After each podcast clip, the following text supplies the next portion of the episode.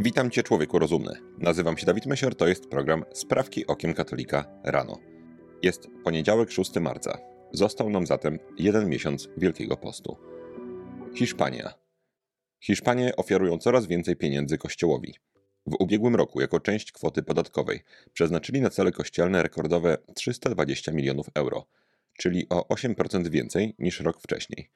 Jak podaje hiszpański episkopat, o 10% wzrosły też ofiary podczas mszy oraz zbiórek specjalnych. W Hiszpanii, pomimo skrajnie lewicowego rządu, spada również liczba dzieci zabijanych w wyniku aborcji. Jak podaje hiszpańskie Ministerstwo Zdrowia, liczba przeprowadzonych aborcji spadła o 10%. Komentatorzy podają jednak, że może być to związane ze spadkiem ogólnej liczby ciąż. Aborcja w ograniczonym stopniu stała się legalna w Hiszpanii w 1985 roku, czyli niedługo po upadku frankizmu. Stopniowo liberalizowano przepisy i obecnie jest ona w Hiszpanii możliwa do 14 tygodnia ciąży. Ostatnio lewica niestety odniosła kolejny sukces i obecnie 16-letnie dziewczyny nie potrzebują już zgody rodzica na dokonanie aborcji. Pytanie, czy można mieć nadzieję, że wzrost ofiarności wiernych oznacza, że w kiedyś głęboko katolickiej Hiszpanii następuje przebudzenie wierzących i że kiedyś Hiszpania wróci do swojej chrześcijańskiej tożsamości. Uganda. Deputowani w Ugandzie ponownie przedstawili projekt ustawy mającej na celu skuteczniejsze karanie aktów homoseksualnych, promowania lub uznawania takich relacji. Asuman Basalivra, poseł opozycji, miał określić homoseksualizm jako nowotwór i powiedział: W tym kraju czy na tym świecie mówimy o prawach człowieka, ale prawdą jest też, że istnieją ludzkie błędy. Chcę podkreślić, że homoseksualizm jest ludzkim błędem, który obraża prawa Ugandy i zagraża świętości rodziny, bezpieczeństwu naszych dzieci i kontynuacji ludzkości poprzez reprodukcję. Wypowiedź posła wywołała aplauz deputowanych. Podczas nabożeństwa modlitewnego, które odbyło się w parlamencie, przewodnicząca parlamentu Anita Among, robiąc aluzję do krajów zachodnich, powiedziała: Chcemy docenić promotorów homoseksualizmu za społeczny rozwój gospodarczy, który przynieśli do naszego kraju. Ale nie doceniamy faktu, że zabijają oni moralność. Nie potrzebujemy ich pieniędzy, potrzebujemy naszej kultury. Ustawa raz już została przyjęta, jednak pod naciskiem tajemniczych zachodnich partnerów została uznana za nieważną przez Sąd Konstytucyjny Ugandy w roku 2014. Mimo to prawo karne nadal kategoryzuje akty homoseksualne jako przestępstwo. Nie pozwolimy, żeby potem wmawiano nam, że nie było kworum. Będziemy więc głosować przez podniesienie ręki. Jesteś albo za homoseksualizmem, albo jesteś przeciw niemu. Chcemy zobaczyć, jakich mamy liderów w tym kraju, powiedziała przewodnicząca parlamentu. Anita Among w styczniu poleciła Komisji Edukacji skontrolowanie szkół podejrzanych o promowanie ideologii LGBT. Stany Zjednoczone. Sąd Najwyższy w Teksasie orzekł, że obrońcy życia mają konstytucyjne prawo mówić, że organizacje aborcyjne mordują nienarodzone dzieci. Decyzja sądu nazwała pozwy grup proaborcyjnych oczywiście bezzasadnymi. Sąd jednogłośnie orzekł, że obrońca życia Mark Lee Dixon wyrażał konstytucyjnie chronioną opinię i dlatego nie może być pozwany za zniesławienie w sprawie nazwania grup proaborcyjnych organizacjami przestępczymi, które mordują nienarodzone dzieci. Dixon został pozwany przez organizacje proaborcyjne w dwóch oddzielnych procesach o zniesławienie, po tym jak wygłosił oświadczenia oskarżające grupy proaborcyjne o udział w morderstwie niewinnych, nienarodzonych istot ludzkich. W tym miejscu warto przypomnieć, że również w Polsce obrońcy życia biorą często udział nawet w kilkunastu postępowaniach jednocześnie. Jednym z najbardziej stresujących i uciążliwych problemów, z jakimi stykają się nasi wolontariusze, są wezwania na policję, oskarżenia i pozwy sądowe.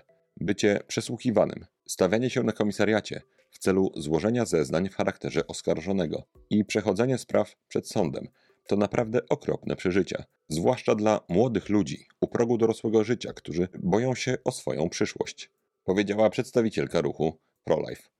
Bogata lewica już dawno nauczyła się wykorzystywać wymiar sprawiedliwości i policję do drenowania sił i portfeli konserwatystów. Wiedzą, że opłaca im się ciągać po sądach zwykłych ludzi, nawet jeśli mają przegrać, tylko po to, żeby wysłać sygnał zniechęcający przeciwnikom ich ideologii. Z tego powodu warto wspierać i pojawiać się na wydarzeniach organizowanych przez organizacje takie jak Fundacja Pro Prawo do Życia czy Fundacja Życie i Rodzina. Ponownie Stany Zjednoczone. Znany amerykański jezuita ojciec Tom Rees otwarcie nie wierzy Chrystusowi. W artykule opublikowanym na łamach National Catholic Reporter napisał: Jezus kontynuuje swój komentarz, komentując przykazanie: Będziesz miłował bliźniego swego, a nie przyjaciela swego będziesz nienawidził. Właściwie to Jezus się myli. Nie ma w Starym Testamencie nakazu nienawidzenia swoich wrogów. Księga kapłańska mówi: Kochaj bliźniego swego jak siebie samego i nie czyni żadnego odniesienia do wrogów. To, co Jezus tutaj krytykuje, to powszechna wąska definicja bliźniego, jako jedynie przyjaciela lub rodaka. Ta wąska interpretacja jest żywa na całym świecie. Podczas gdy nawet dzieci wiedzą, że Bóg mylić się nie może, jezuita ojciec Rhys zdaje się tutaj wprost Pana Boga korygować, albo ma delikatne problemy z czytaniem, ponieważ Pan Jezus w tym fragmencie wcale nie stwierdził, że w Starym Testamencie zapisano słowa o nienawiści nieprzyjaciół. Jak podaje Ewangelia według świętego Marka, Chrystus powiedział: Słyszeliście, że powiedziano: Będziesz miłował swego bliźniego, a nieprzyjaciela swego będziesz nienawidził. A ja wam powiadam: Miłujcie waszych nieprzyjaciół i módlcie się za tych, którzy was prześladują. Gdyby ojciec Ris poczytał komentarze do Pisma Świętego, to dowiedziałby się, że Chrystus odnosił się nie do kwestii zapisanej w prawie, ale do dopowiedzeń uczonych w piśmie, którzy to prawo interpretowali. Ojciec Ris myli się również niestety w kwestii transsubstancjacji. Pod koniec stycznia na tym samym portalu jezuita zamieścił następujące słowa. Ponieważ moi krytycy często oskarżają mnie o herezję, zanim przejdę dalej, pozwólcie mi potwierdzić, że wierzę w realną obecność Chrystusa w Eucharystii – nie wierzę tylko w transsubstancjację, ponieważ nie wierzę w materię pierwotną, formy substancjalne i wypadki, które są częścią arystotelesowskiej metafizyki. Tym samym ojciec Ries jedynie potwierdził stawiane mu zarzuty o herezję. Niemcy. Przewodniczący konferencji episkopatu Niemiec, biskup Georg Betzing, oświadczył, że niemiecki episkopat kontynuuje realizację planów utworzenia stałej Rady Synodalnej, pomimo wyraźnego sprzeciwu Watykanu. W liście skierowanym do stolicy apostolskiej biskup Betzing poinformował, że chociaż niemieccy biskupi poważnie traktują obawy Rzymu dotyczące niemieckiej Rady Synodalnej, to jednak Komisja Synodalna zdecydowała się przygotować Radę Synodalną w ciągu najbliższych trzech lat. Betzing oświadczył watykańskim urzędnikom, że jego zdaniem istnieje jeszcze wielka potrzeba wyjaśnienia w kwestii przyszłej współpracy synodalnej. Zamiary niemieckiej drogi synodalnej to między innymi wprowadzenie kapłaństwa kobiet, zwiększenie wpływów świeckich na decyzje Kościoła katolickiego, w tym na wybór biskupów, błogosławieństwa dla par tej samej płci, reforma nauczania w zakresie etyki seksualnej oraz zniesienie celibatu. Węgry. W wywiadzie udzielonym w zeszłym miesiącu emerytowany arcybiskup Giula Marfi z Weszprem ostrzegł przed wielotorowym atakiem na europejskie chrześcijaństwo ze strony lewicowych sił w Unii Europejskiej. Uwaga, uwaga. Celem masonów jest pozbycie się chrześcijaństwa z Europy. Aby to osiągnąć, są gotowi użyć wszelkich środków, wykorzystując swoje wpływy do infiltracji przywódców Unii. Moim zdaniem, również celem muzułmanów jest to, aby wyprowadzić Chrystusa i chrześcijaństwo z Europy. Dzisiaj masoni i muzułmanie łączą się, aby chrześcijaństwo zniknęło z Europy. To praktycznie to samo, co w wieku Zbawiciela, kiedy uczeni w piśmie i faryzeusze współpracowali ze swoim śmiertelnym wrogiem, Poncjuszem Piłatem, aby pozbyć się Chrystusa. W wielokulturowym, mieszanym społeczeństwie jednostka traci swoją tożsamość, poczucie odrębności, kulturę, wiarę, język, praktycznie wszystko. Czyni to ludzi łatwiejszymi do manipulowania dla potężnych korporacji – które chcą zamienić całą Ziemię w wielką zbiorową farmę, gdzie nie ma żadnych tożsamości etnicznych, narodowych i religijnych. Są tylko posłuszni pracownicy i konsumenci, produkowani według standardów. Za jeszcze większe zagrożenie dla Europy niż islam, arcybiskup podaje ideologię LGBT, nazywając grzechem śmiertelnym legalizację tzw. Tak małżeństw homoseksualnych. Włochy.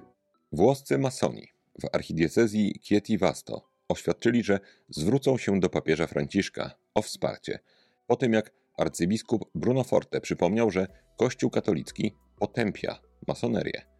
7 lutego arcybiskup Forte wydał list skierowany do swojej archidiecezji, w którym przypomniał dokument Kongregacji Nauki Wiary z 1983 roku dotyczący właśnie masonerii. Była to reakcja na odrodzenie aktywności masońskich w tym rejonie. Forte stwierdził w liście, że potępienie masonerii pozostaje niezmienione. Po drugie, katolicy należący do loży są w stanie grzechu ciężkiego i nie mogą przyjmować komunii. I po trzecie, nie dopuszcza się żadnych wyjątków. Masoni liczą na interwencję papieża Franciszka. Mistrz masoński Ginevra di Nicola powiedział lokalnym mediom. Zwrócimy się do papieża Franciszka z prośbą o jego szybką interwencję w tej diatrybie, która godzi w nasz honor i zagraża naszemu bezpieczeństwu. Tutaj od siebie dodam, że jeszcze całkiem niedawno pewna modlitwa brzmiała tak: O Maryjo bez grzechu pierworodnego poczęta, módl się za nami, którzy się do ciebie uciekamy, i za wszystkimi, którzy się do ciebie nie uciekają, a zwłaszcza za masonami i poleconymi tobie. Polska. Telewizja TVN zrezygnowała z produkcji kolejnej edycji programu Prince Charming, czyli gejowskiego show randkowego, w którym mężczyźni zabiegali o względy tzw. Tak księcia. Ten miał w finale wybrać swojego wybranka. Ku zmartwieniu TVN-u program nie cieszył się popularnością w polskim społeczeństwie. W godzinach emisji programu stacja TVN osiągała najniższą oglądalność w porównaniu do swoich głównych konkurentów. Co ciekawe, choć chyba niezbyt zaskakujące, program bardzo dobrze przyjął się w Niemczech, gdzie doczekał się już trzeciej edycji oraz odpowiednika lesbijskiego.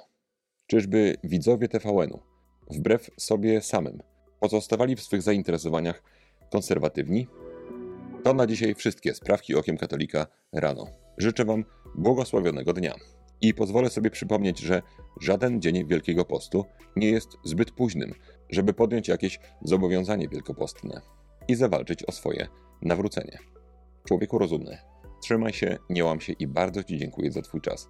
Do usłyszenia jutro. Z Panem Bogiem.